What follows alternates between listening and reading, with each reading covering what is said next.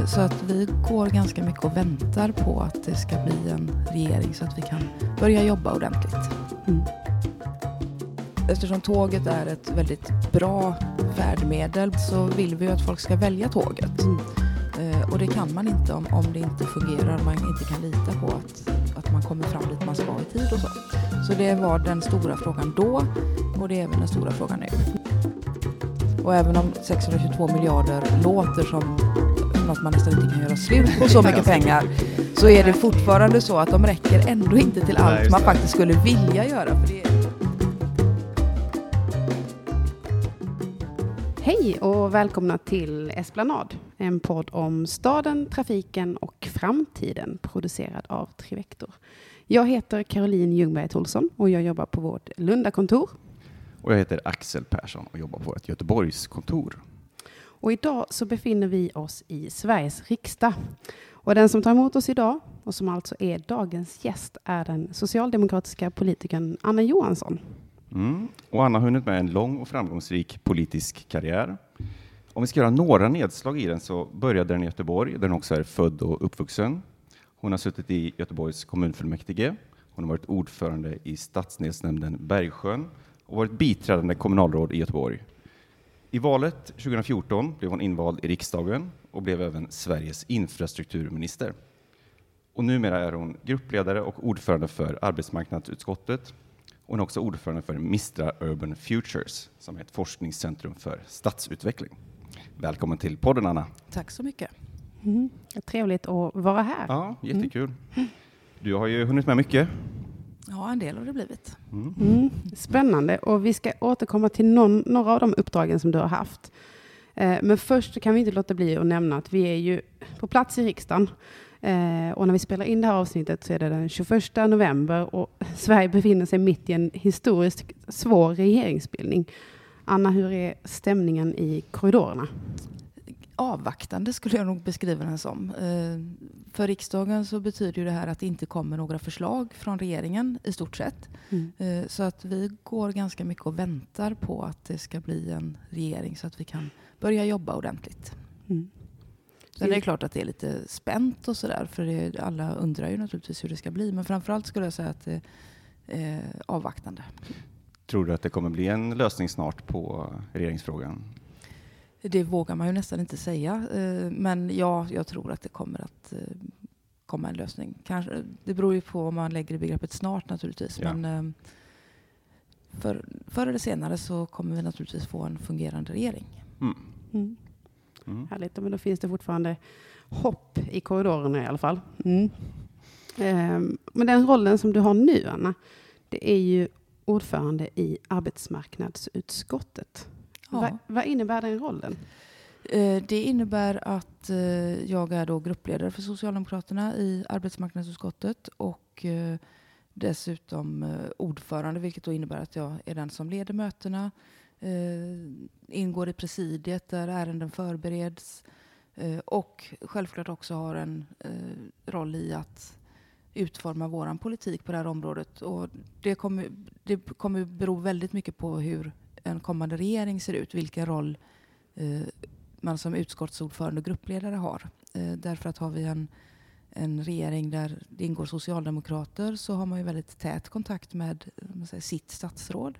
Eh, är det en eh, regering av annan kulör så är man ju i opposition och lägger förslag mot den sittande regeringens förslag. Så att det, det är väldigt olika arbetssätt och funktion beroende på vilken eh, regering det blir.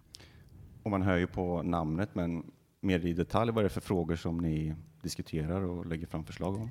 Eh, det handlar om framförallt allt arbetsmarknadslagstiftning självklart, eh, Arbetsförmedlingen, Medlingsinstitutet, arbetsmiljöfrågor, jämställdhet. Så att det, man kan säga all, de flesta frågor som rör arbetslivet eh, hanterar vi på ett eller annat sätt. Men hela arbetsrättslagstiftningen exempelvis ligger på arbetsmarknadsutskottet. Mm. Hur, hur, kan vi skapa tillväxt och goda förutsättningar för arbetsmarknaden i, i Sverige? Det ligger egentligen mer på näringsutskottet, för de hanterar mer alltså företagande och eh, hur man kan utveckla näringslivet och skapa goda förutsättningar och så. Arbetsmarknaden handlar kanske mer om hur de som är i arbete eller de som står utanför arbetsmarknaden ska komma in på arbetsmarknaden. Hela arbetsmarknadspolitiken med, med eh, arbetsmarknadsutbildningar och omställning och så ligger här. Eh, men jag tycker också att det är viktigt att se att det, att det där hänger ihop på ett sätt. Därför att eh, just nu och ett tag tillbaka så har ju den riktigt stora utmaningen i Sverige handlat om två saker. Dels att vi har väldigt många nyanlända mm. som behöver få stöd för att snabbt komma i arbete. Mm. Och det andra är att vi har en enorm kompetensbrist i Sverige. Där arbetsgivare som vill anställa, de har lediga jobb, inte hittar rätt personer att anställa därför att man har en, eh, kravprofil eller så som inte matchas av de som då inte har jobb. Eh, och i den meningen så behövs ju också arbetsmarknadspolitiken för att näringslivet ska kunna få tag på bra alltså på, på rätt arbetskraft och så. Mm. Eh, och där är ju även utbildningspolitiken självklart ett, ett jätteviktigt område. Mm. Och där ser jag att vi, och jag tror också att de här två områdena kommer att utvecklas, att de kommer ännu närmare varandra, utbildning och arbetsmarknad. Eftersom arbetsmarknaden förändras så snabbt så kommer kraven på oss allihop att fylla på med ny kunskap, att eh, kompetensutveckla oss, eh, an, vara så, så här, anpassningsbara i den meningen att vi kan följa med när våra jobb utvecklas och så, eh, kommer vara allt större. Eh, och då kommer med nödvändighet också utbildningspolitiken och arbetsmarknadspolitiken att behöva giftas ihop på ett ännu tydligare sätt. Mm. Så utbildning är en viktig fråga. Eh, vad finns det mer för sätt man kan jobba med och hitta rätt resurs till de här jobben? Ja, vanlig enkel matchning är ju eh, grunden på något sätt. Det vill säga att man eh, har specifikationer på vilken arbetskraft man söker, vilka kompetenser det är man behöver och att då Arbetsförmedlingen eller någon annan, beroende på vad man väljer för modell, eh, skannar av liksom de som söker arbete och försöker matcha ihop behov med utbud. Så att säga. Eh, och det är ju när, glapp, när det uppstår ett glapp mellan de där mm. som, som utbildning kommer in som en viktig eh, brygga över från arbetslöshet eller från ett jobb till ett annat. Mm. Eh, sen har vi ju, finns det ju en del arbetsmarknads, rena arbetsmarknadsutbildningar. De ligger på Arbetsförmedlingen. Och då kan det till exempel handla om att man behöver en kortare kurs eh, för att lära sig svetsa exempelvis. Det är ett företag som behöver anställa svetsare och så anordnar man en svetsutbildning så att man snabbt kan få folk på plats i, i, eh, i arbete helt enkelt. Mm. Är detta någonting vi inte har varit bra på? Eh, både ja och nej. Mm. Vi har ju, traditionellt har ju Sverige haft en väldigt omfattande arbetsmarknadspolitik där vi har haft ganska många brygger för människor att ta sig från arbetslöshet till arbete. Eh, under de borgerliga regeringsåren så avlövade man ju ganska mycket av den verksamheten och eh, skar också ner på utbildningar och sådär som gjorde att det blev svårare för människor. Och jag skulle nog säga att en del av de matchningsproblem vi ser på arbetsmarknaden idag, det vill säga att det finns en jättestor mängd människor som står utan arbete, fortfarande, även om arbetslösheten sjunker och sysselsättningen ökar, så är det fortfarande många som inte har jobb. Och samtidigt som då arbetsgivare inte hittar rätt arbetskraft. Och en del av de som är arbetslösa nu blev ju arbetslösa för ganska många år sedan. Eh, och hade man valt att satsa på de personerna och, och, gå in med utbildningsinsatser så hade man kanske också löst en del i alla fall av matchningsproblemen.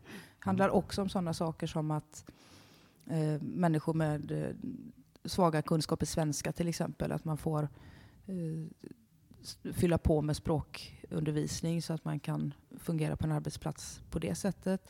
Mm. Eh, människor med olika typer av funktionsnedsättningar som har lite extra svårt att få jobb. Mm. Där man kanske skulle faktiskt också titta på att anpassa arbetsplatser på ett bättre sätt. Nu har ju Arbetsförmedlingen haft en ganska, jag vet inte om ni har noterat det, men en eh, som jag tycker väldigt rolig kampanj med eh, både tv-reklam och affischer alltså, på stan. Sådär. Mm. Där eh, just människor med funktionsnedsättning, att man får, alltså, vill ni anställa mig? Och det tydligen så är det en hel del arbetsgivare som har fått upp ögonen för och insett att, oh, men att någon sitter i rullstol är ju faktiskt inte detsamma som att man inte kan utföra ja, vad det nu kan vara för jobb. Um, så där, det är mycket fördomar i det här också, både mot människor som kommer från andra länder, mot människor med funktionsnedsättning och så vidare. Eh, mm, den 3 oktober 2014 så fick du den högsta posten inom svensk infrastruktur. Du blev infrastrukturminister. Mm. Hur var det att få den rollen? Eh, det var lite grann som att bli eh, inkastad i en torktumlare. Mm. eh, och väldigt, väldigt roligt. Jag hade ju inte jobbat med de frågorna tidigare i någon större utsträckning. Sen är det klart att man kommer i kontakt med dem som kommunpolitiker för att eh, trafik och infrastruktur och, och, så är ju jätteviktiga frågor i all stadsutveckling. Mm. mm. Men jag hade inte jobbat specifikt med de frågorna. Så mm. det var väldigt, väldigt mycket inlärning och eh, mycket framförallt internt naturligtvis att få dragningar om en det ena och en det andra och sätta sig in i lagstiftning och olika myndigheters roll och sådär. Eh, men också mycket externa kontakter. Eh, och ja, det, är ett, det är ett väldigt, väldigt roligt område och det händer så otroligt mycket även på det området. Mm. Mm. händer jättemycket. Mm. Var det något speciellt när du tillträdde som du kände det här skulle jag vilja hugga tag i och göra förändringar på? Ja, eh, egentligen tyvärr då får man säga samma fråga som jag just nu tycker att vi borde komma till rätta med. Det handlar ju om tågen som fortfarande inte riktigt kommer och går i tid. Jag mm. veckopendlar ju till Göteborg, mm. eller till Stockholm snarare, från Göteborg. Eh, fram och tillbaka. Och eh, oftast så funkar det ju bättre än vad ryktet säger, men det, har, det är väldigt mycket förseningar. Mm. mm. Och eftersom, vi, eftersom tåget är ett väldigt bra färdmedel, både ur miljösynpunkt och liksom ytmässigt och på en massa olika sätt, så vill vi ju att folk ska välja tåget. Mm. Eh, och det kan man inte om, om det inte fungerar, man inte kan lita på att, att man kommer fram dit man ska i tid och så. Så det var den stora frågan då och det är väl den stora frågan nu. Mm. Sen finns det ju ett par andra frågor som inte kanske direkt har med infrastruktur att göra men däremot med transportpolitik. Och där har vi ju hela eh, frågan om eh, sunda konkurrensvillkor och schyssta villkor i transportbranschen som har varit en stor fråga under de åren som jag var minister. Eh, där det bland annat handlar om långtradarchaufförer från Östeuropa framför allt som är här under nästan slavliknande förhållanden vilket rent mänskligt är helt förfärligt.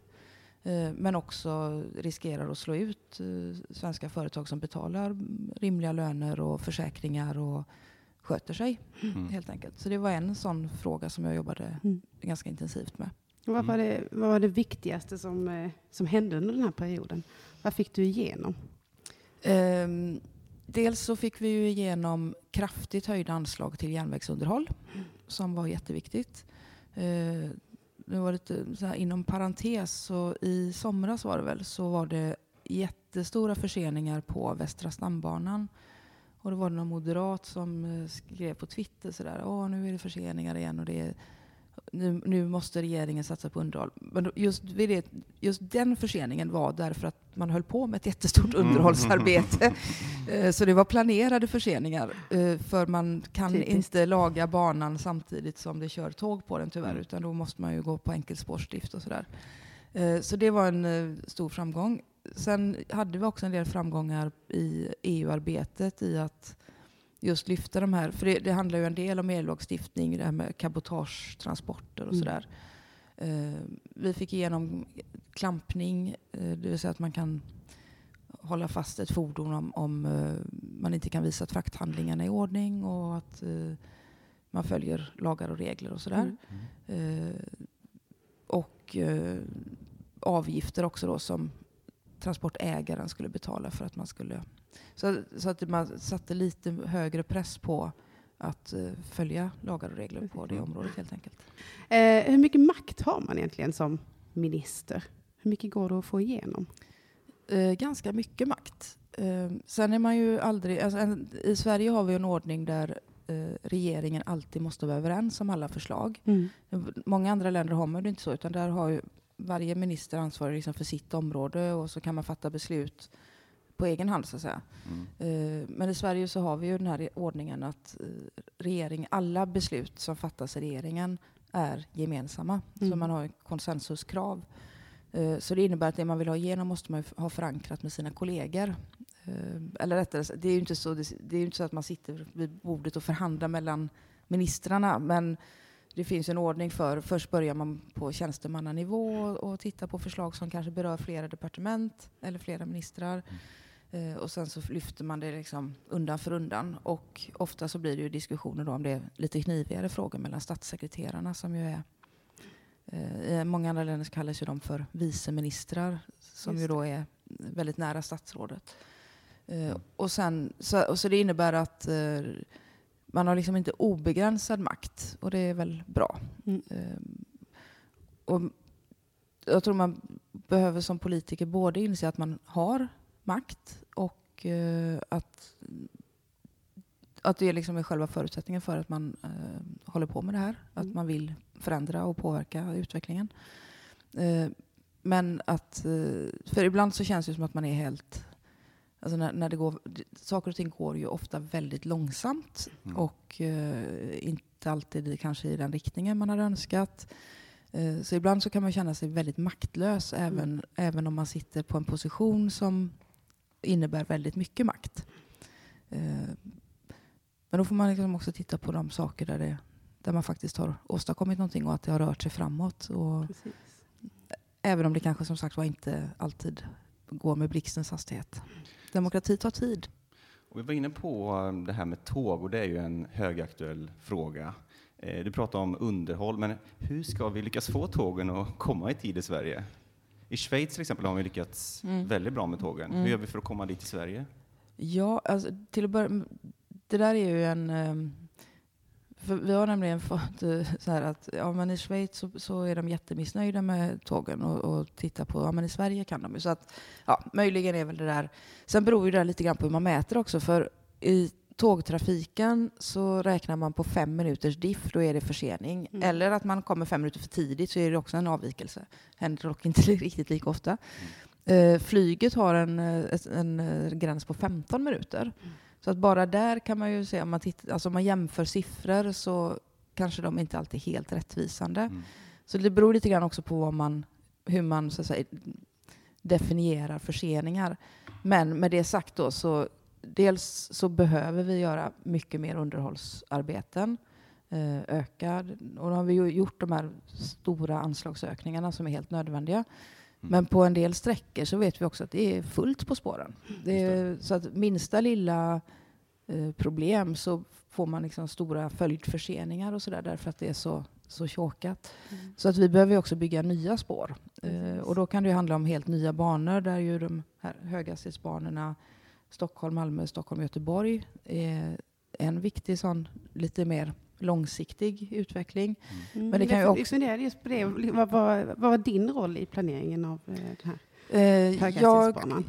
jag kom ju in i ett skede där den tidigare regeringen, alltså Reinfeldt-regeringen, hade tillsatt det som de kallade för Sverigebygget och som vi eh, då eh, lät fortsätta, men döpte om till Sverigeförhandlingen. Mm.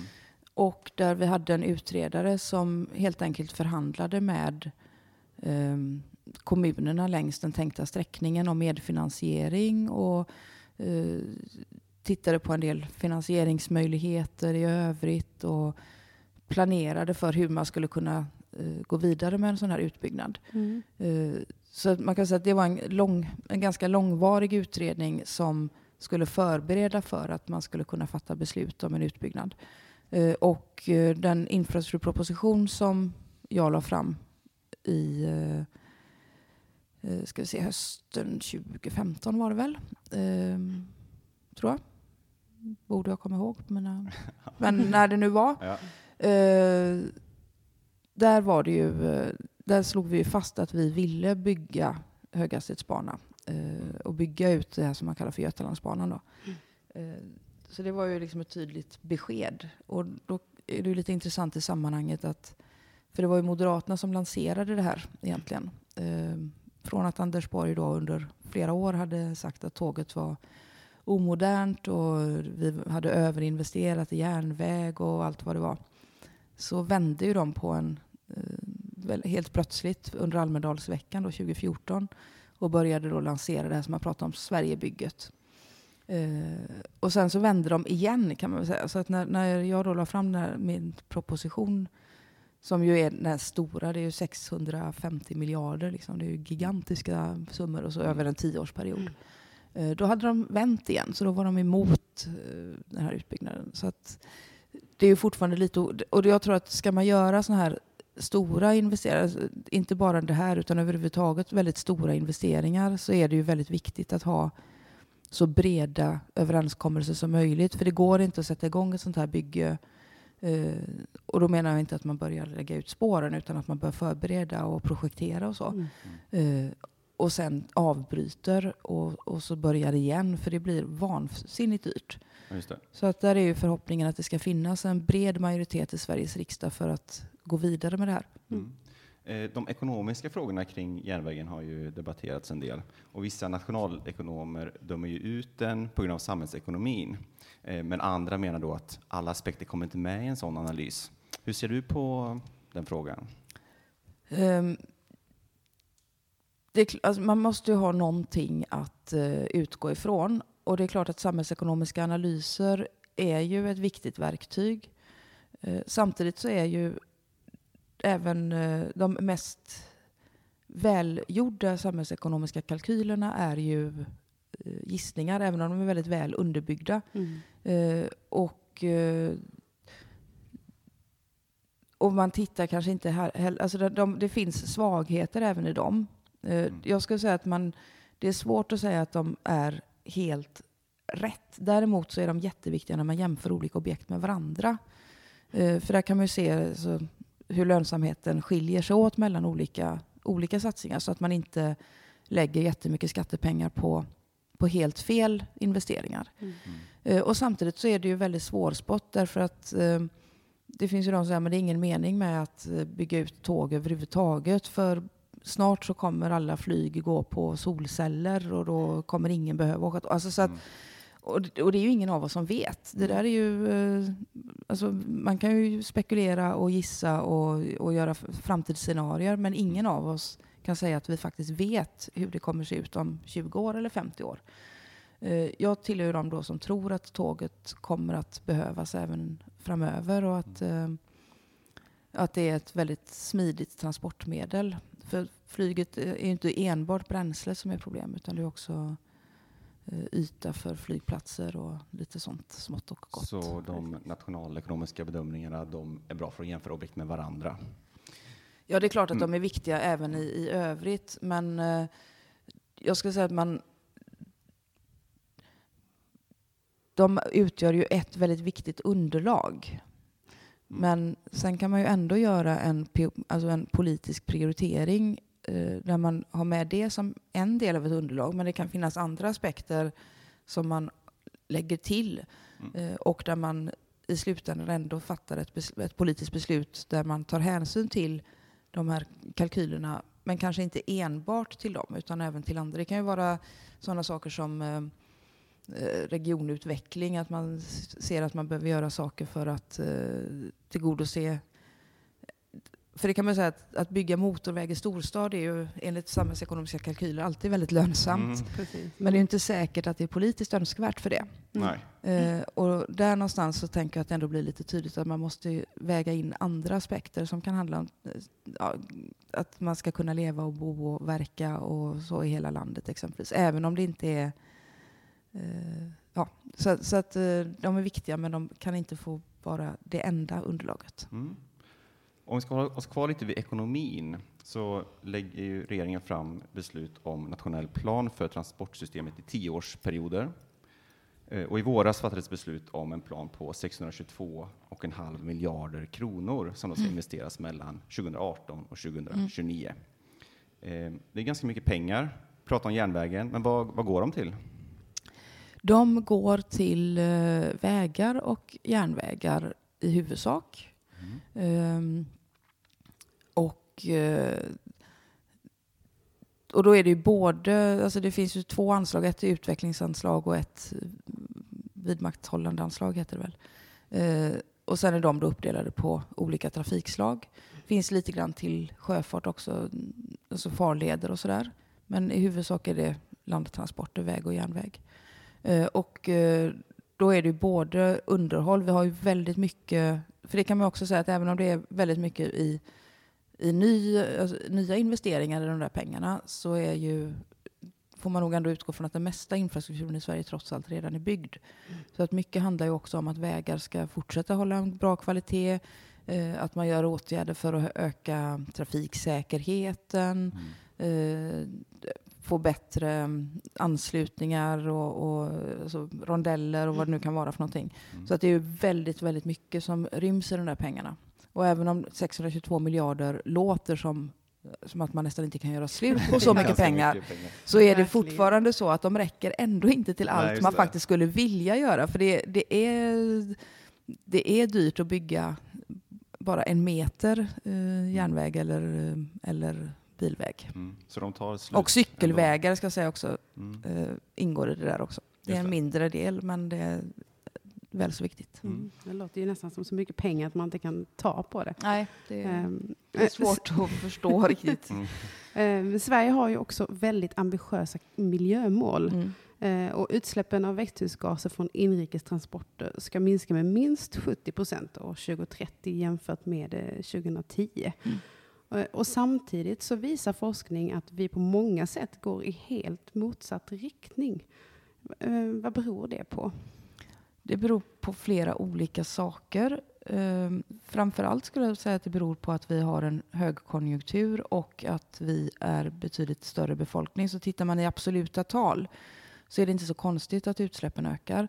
Eh, det är en klen tröst därför att planeten bryr sig liksom inte så mycket om om vi blir fler och uh, att fler har jobb. Nej, utan, vi behöver, nej, utan vi behöver ändå nå de där målen om minskningar. Mm. Uh, och då är ju en utbyggd kollektivtrafik, bättre förutsättningar framförallt i städer uh, för gång och cykel och liknande åtgärder jätteviktiga. Men det handlar ju också om att ställa om hela transportsystemet. För jag tror att det är ganska få ändå som tänker sig att vi ska sluta transportera oss själva och mm. saker.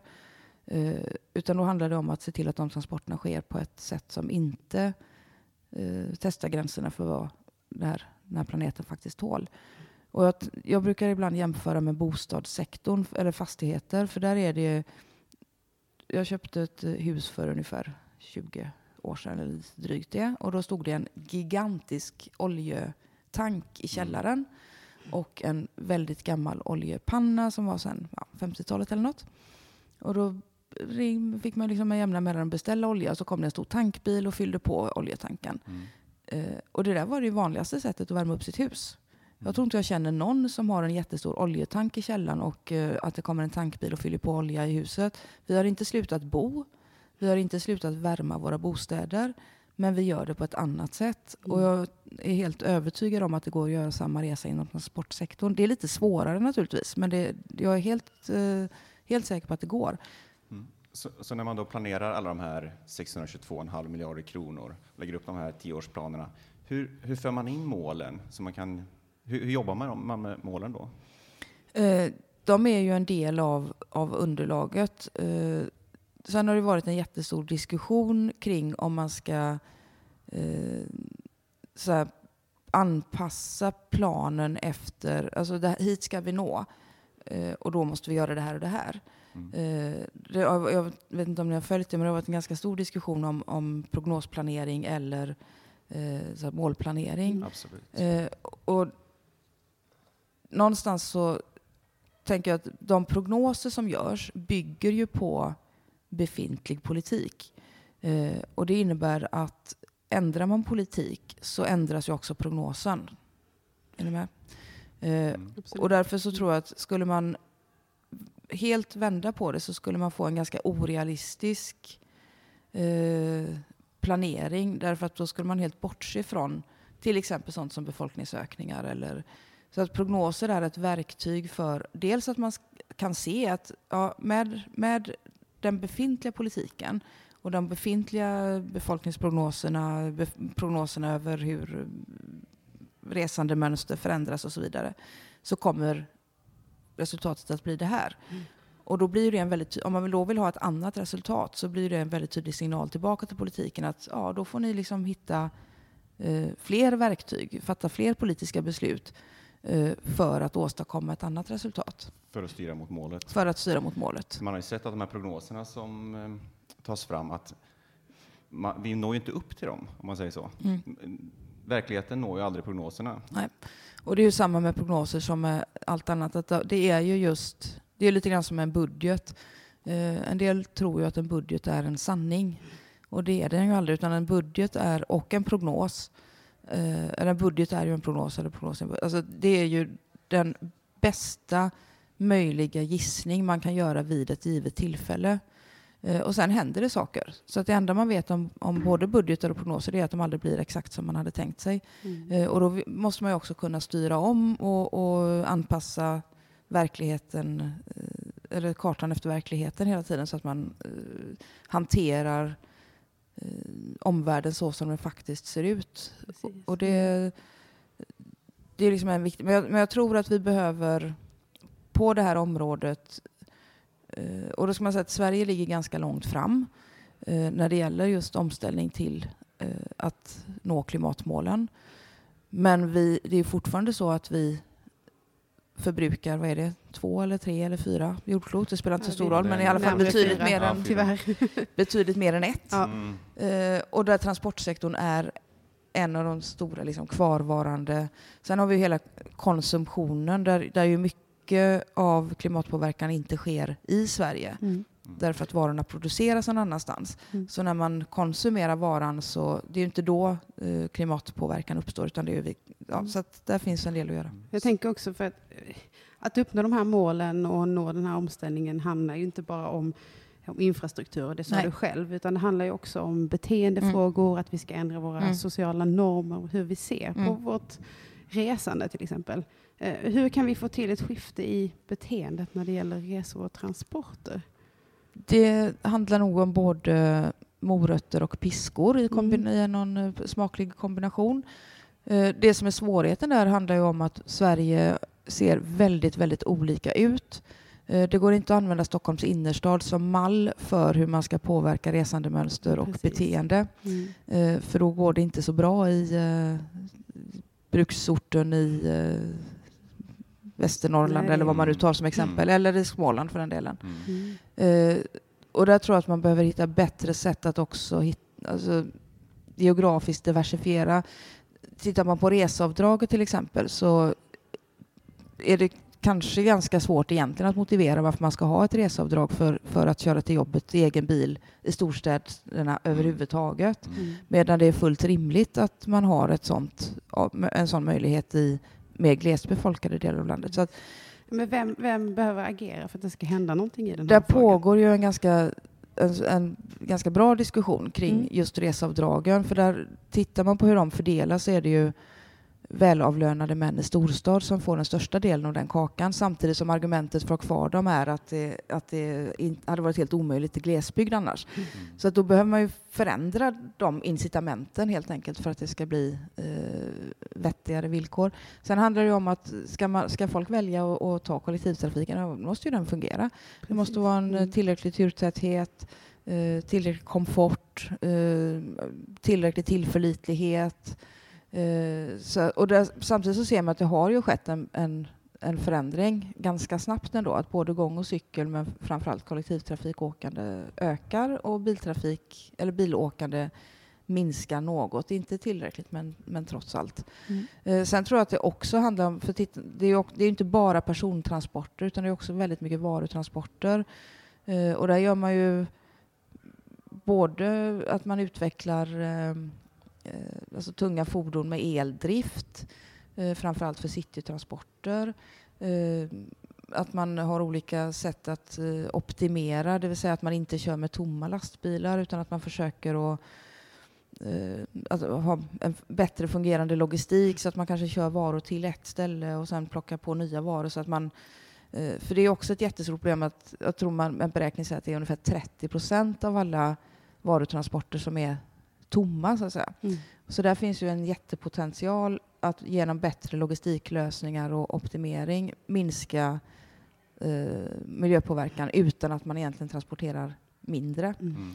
Eh, på sam- och sen har vi hela det här med att förbränningsmotorn och fossila drivmedel behöver fasas ut till förmån för andra eh, sätt att, att eh, driva fordon helt enkelt. Mm. Det finns en hel del att göra. Finns det mycket att Det göra? finns mycket att göra på olika fronter. Ja, Anna, du är dotter till Göran Johansson som var kommun, kommunstyrelsens ordförande i Göteborg i 20 års tid.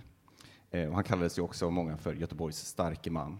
Var det självklart för dig att bli politiker också? nej. Jag hade, det här har jag berättat så många gånger. Ja. Jag, eh, jag hade klassåterträff med eh, mina gamla klasskamrater från grundskolan Mm.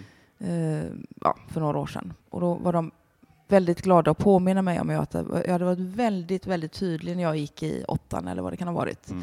Att eh, jag visste inte riktigt vad jag skulle bli, men jag skulle i alla fall inte bli politiker. Aha. Så att jag har fortfarande inte riktigt bestämt mig för om jag ska bli politiker när jag blir stor. Men Just just, eh, nu håller jag på Då med det vi här. se. Ja, vi får se vad det blir så småningom. Det börjar bli dags för oss att eh, runda av det Ja. här avsnittet eh, nu. Mm. Mm. Det har varit väldigt trevligt att prata med dig, men vi skulle vilja ställa en sista fråga till dig. Mm. Eh, vad tror du kommer krävas av politiken för att samhället ska börja gå i en mer hållbar riktning? Rent konkret, vad kommer behöva göras? Förankring. Ehm, det finns, jag tror att det finns ganska mycket som vi vet eh, skulle behöva göras. Men eh, just precis nu så pågår det väldigt stora eh, protestaktioner i Frankrike till exempel mot de höga bensinpriserna.